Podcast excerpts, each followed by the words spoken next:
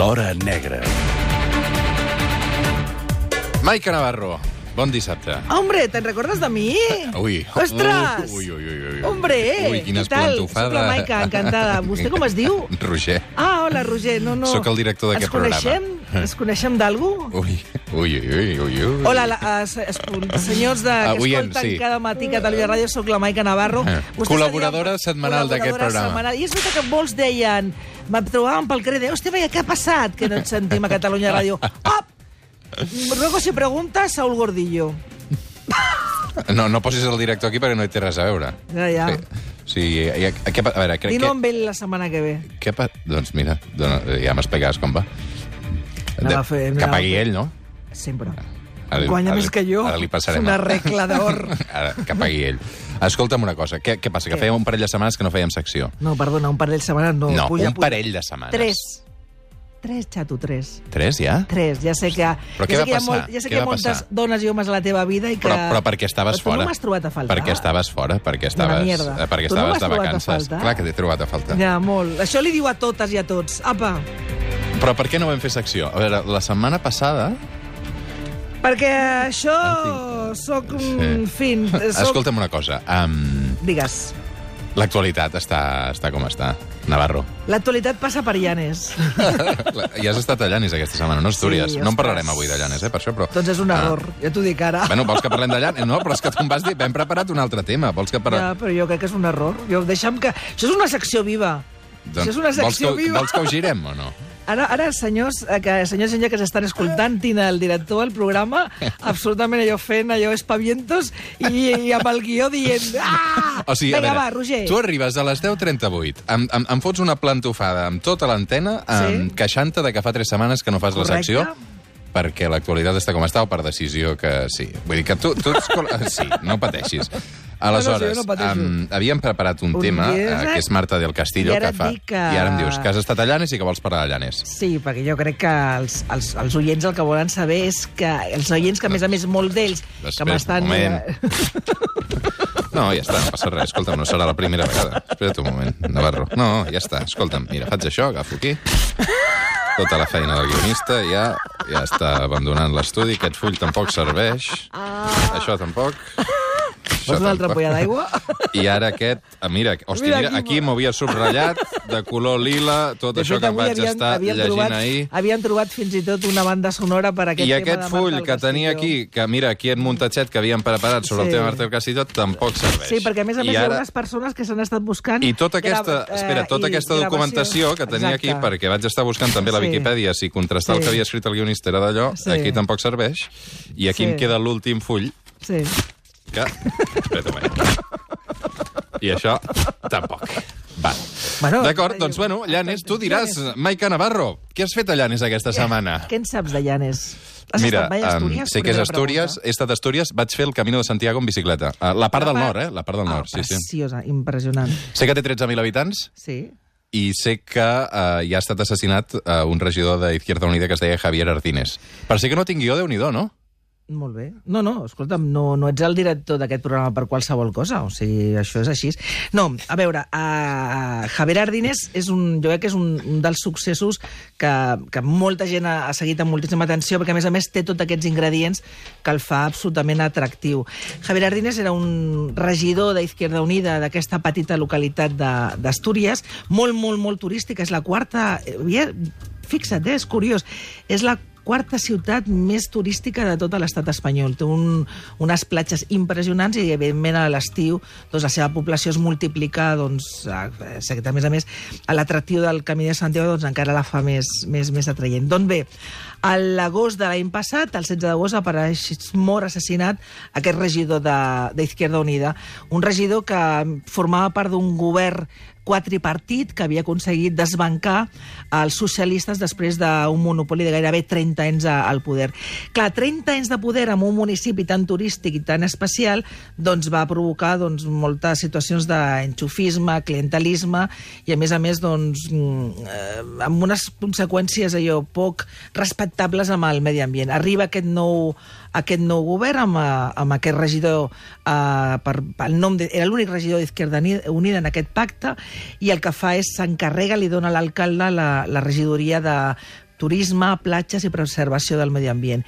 I, a més a més, i personal de l'Ajuntament. I comença a prendre una sèrie de mesures, doncs, per exemple, un concurs per acabar amb una situació absolutament i, insostenible a l'Ajuntament, i és que era més de la meitat dels funcionaris eren interins, havien, uh, havien arribat gairebé a dit, o fins i tot a retirar pàrquings del costat d'entorns mediambientals que, eren, que s'havien de preservar. Tota una sèrie de decisions que li va comportar molts enemics a la política, molts enemics. I a més unes enemistats... Ell es dedicava professionalment a la política o...? No, no, no, no ell era pescador. Vull dir, perquè és un poblet petit, no, això? Ell era pescador. Pescador. pescador. De fet, no, no, no, no cobrava com a la, per la feina de, de polític i ell cada matí doncs, anava amb la seva amb la seva embarcació, la Bramadòria, a, a pescar. De fet, el dia del crim, que és el 16 d'agost, ell com cada matí s'aixeca a les 6, ell viu en una casa espectacular, vivia en una casa espectacular, amb una, amb una petita aldea que es diu Belmonte de Pria, uh, Llanes té una treintena d'aldees repartides per tot el territori, i aquesta petita doncs, es tenia allà una casa. Doncs bé, doncs surt per un camí, uh, un camí amb un paratge increïble, d'allò, aquests paratges que tenim tenim al cap d'Astúries, allò verd, vaques, eh, molt a prop del mar, amb una llum molt, molt especial, doncs ve, surt a les 6 del matí amb la furgoneta i es troba tres valles que impedeixen aquest, aquest pas. Va, deixa la furgoneta oberta, surt, surt del vehicle, és encara de nit, 6 del matí, i a l'hora de retirar una de les valles li donen un primer cop per l'esquena, està molt atordit. Ell media gairebé metro 90, estava molt, era molt, un home molt fort, amb un estat físic molt, molt potent. Doncs, tot i el cop, eh, aconsegueix ja, ja tirar a terra una valla, però un dels seus agressors li llença gas pebre al, al, a la cara. Amb això queda atordit, Carai. però tot i això aconsegueix fugir corrents, corre més que els assaltants, que un va amb un bate de béisbol, l'altre amb un pal. Finalment el cau 60 metres que aconsegueix fugir, cau a terra, i allà com, continuen golpejant-lo i un d'ells l'escanya amb les mans. I marxen. Arriba la Guàrdia Civil i comença una investigació que ha durat 188 dies i que ha tingut a tota la població sotmesa amb una mena d'intrigues, versions, hipòtesis eh, brutals. Per què? Doncs perquè, mm, bé, per al quartel, al puesto de la Guàrdia Civil de, de Llanes i de la comandància a Gijón comencen a desfilar no només polítics, funcionaris, policies locals, sinó que comencen a desfilar moltes dones. Ell tenia una vida sentimental molt... Moguda. Sí, bueno, era un... Prolífica. Tenia molt èxit amb, amb les dones. De fet, allà, a Llanes, que és una població molt discreta i que la gent gairebé no, no s'incomodava molt parlar, és veritat que el que et deien era que difícilment el veies amb la seva dona, amb la Núria, que a més a més portàvem casats tota la vida. Com a bon pescador devia tenir una nòvia cada port. Jo crec que totes les tenia al mateix port, que era Llanes. O sigui, no, no, no, no, no estava concentrat. I és una d'aquestes eh, relacions sentimentals eh, intenses era amb la cosina amb la cosina germana de la seva dona Uau. que a més a més eh, les dues parelles tenien, eren molt amics. Tan amics eren que feia poc, dos anys enrere havia una casa al costat de la seva, en aquesta petita aldea, que estava a la venda, i li diu a, a aquesta parella, la formada pel Pedro i la Càtia, dona amb la que ell tenia aquesta relació, i li diu, escolta'm, hi ha una casa a la venda, perquè no la compreu? Perquè aquesta parella vivia al País Basc, viu al País Basc, i, en, i, i anàvem molt a Moravieta, a, a Llanes, és aproximadament un parell d'hores en cotxe. Escolta, per què no compreu? Sempre esteu aquí, Setmana Santa, caps de setmana llarg, compreu. I sí, sí, la van comprar. La van comprar i estaven, re, a 200 metres, eren veïns, i eh, fa mm, uns mesos, mesos a, enrere, el Pedro, el marit de la Càtia, s'assabenta perquè troba, amb un, eh, troba el mòbil obert de la seva dona i descobreix una conversa que no té res a veure amb una relació entre, entre amics i tot i, en fi, entre família política cosins, sí. i comença a sospitar i aquesta... Jo crec que al final és un crimen masclista. Ell es torna boig i tot i que manté les aparences encarrega, parla amb un col·lega seu, amb el Jesús, i li diu, escolta, necessito, necessito carregar-me'l, o sigui, no el puc suportar, perquè a més a més és que el tio és el meu amic, és que m'estan fent el paripé. I feia molt I- temps, a més, que eren amants, no? Vull dir que no Bueno. era una cosa que hagués començat a fer poc. És que el més impressionant de tot que hem descobert avui al diari El Comercio de- d'Astúries és que, bueno, finalment la investigació aquesta de la Guàrdia Civil ha aconseguit eh, elements per detenir, per desbaratar la, la trama, o sigui, deté el Pedro com a l'inductor d'aquest crim, amb l'home, amb el Jesús, que és el que s'encarrega de trobar aquests dos delinqüents, que són dos argelians, i el més, una de les coses més, més, hòstia, més al·lucinants d'aquest crim és que l'altre dia, la, el dijous al vespre, quan la jutgessa està interrogant el, el Pedro, comença l'interrogatori del Pedro, la jutgessa li pregunta vostè mm, era coneixedor de que la seva dona i, el, i la víctima tenien una relació des de fa 30 anys i l'home es queda blanc, eh, emmudeix allà en el jutjat, diu, perdó? 30 anys? No. Diu, sí, 30 anys. O sigui, la jutgessa va fer servir aquesta informació que, va, que coneixia els investigadors, que van descobrir els investigadors, perquè ho va confessar la, la Càtia, la dona del Pedro, de que portaven 30 anys junts. O sigui, el, el Javier Ardínez... 30 anys fotent-li el salt a la dona i no se n'havia donat. Eh, 30, o sigui, era una relació que comença el Javier Ardínez quan ja estava casat amb la seva dona, amb la Sí, sí. Núria, i ja té una, la, la seva primera filla, la Eva, és petita, eh, tenen la, bueno, doncs coneix la cosina de la seva dona, que, que, en aquell moment la Càtia tenia 16 anys només, i comença una relació que s'ha preservat durant el temps durant 30 anys. O sigui, era... mm, Molt bé, això és el context. Um, qui va matar aquest senyor?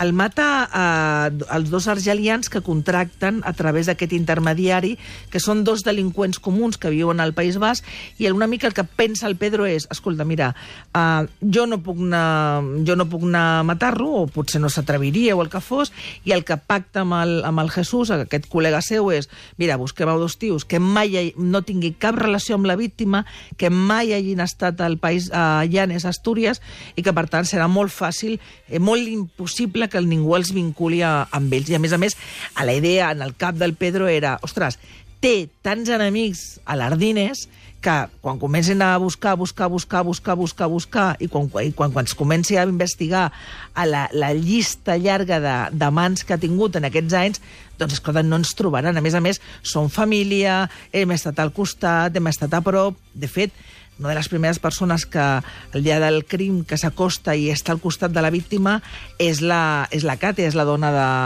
Bueno, era la que resultava ser la dona del, del presumpte inductor. Doncs són aquests dos argelians que, a més a més, un eh, fugeix, eh, marxa immediatament després del crim a Suïssa i on se'l deté setmanes després allà per, per un robatori amb força amb, un, amb una vivenda.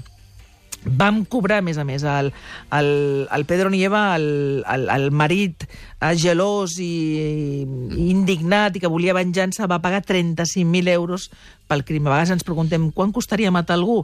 Doncs en aquest No cas, idees, eh? Ardines, 25.000 euros i 10.000 pel Una- intermediari. Com, com la policia uh, arriba a aquest desenllaç? Um, com arriba a desxifrar que hi ha hagut aquesta contractació d'aquests algerians?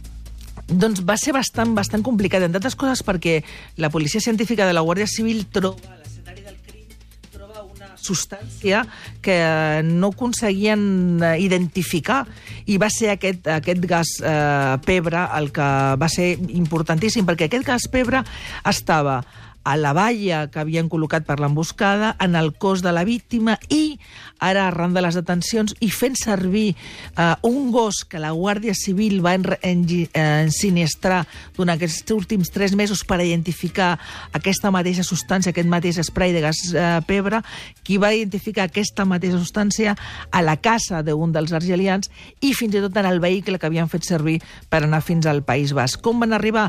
Doncs perquè, a més a més, la viuda els hi explica als, als investigadors que era molt estrany la reacció que havia tingut la seva cosina i el seu home després del crim, que de ser unes parelles molt, molt, molt, molt, amb molt, molta confiança i molta estima, s'havien anat separant, separant, separant, i que del Pedro doncs, gairebé no l'havia, no en sabia res.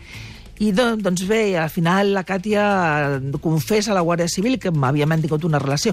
Primer els en- intenta enganyar, esborra tots els missatges que tenia del, de l'Ardines, i al final el mòbil de l'Ardines era una mina, no només d'aquesta relació, sinó d'altres, i la Guàrdia Civil descobreix que la relació de l'Ardines amb la Càtia és molt més que una aventura d'estiu al costat de l'Atlàntic i que la cosa va més en sèrio. Com, I- com està la gent de Llanes? Ho dic perquè quan, quan hi ha un Ja. crim d'aquesta mena en, aquest, en unes localitats tan petites, eh, no sé si se'n parla, és un tema tabú Es parla tot el dia, no? moltíssim, es parla molt... eh, Hi havia una sensació molt... On has dormit tu aquests dies? Allà a Llanes mateix? He dormit a Llanes en un hotel que està al costat de, del centre. He menjat fabada tots els dies que he pogut i faves amb almejas. Sí, no ho reconec, ha sigut un... Ha sigut una integració al poble. Sí, i he anat ahir vaig anar a la, al port de Llanes perquè estaven els seus companys de l'Ardines, la seva pescar una embarcació... mica. Sí, no, vaig pescar unes nècores a 6 euros, mitja dotzena, i dos canyes. La gent està sobretot aliviada perquè ah, hi havia una frase que diuen tots aquests dies és els assassins venien de fora, que una mica era la gent deia nosaltres no hem pogut fer una cosa com aquesta. I et dono una altra última dada. En aquests sis mesos eh? s'han fet tres divorcis a conseqüència d'això. Uau. Clar. Déu-n'hi-do amb els mariners. Um, Maica Navarro, puc fer-te una pregunta? I em respondràs sincerament Això o no? serà la... Això és ara, la... me la... ara me la tornarà. No, no, no, no. Ara me la tornarà. No, no, no te la Ja penso veuràs, tornar. ja. És a dir, jo a vegades veig a la tele, et veig al fax. Em veus al fax, sí. Ahà. No moltes vegades, però vaja, sí, al Uau, fax. vinga, una altra planta ofada. Vinga. Com és que al fax et pintes els llavis i el suplement no?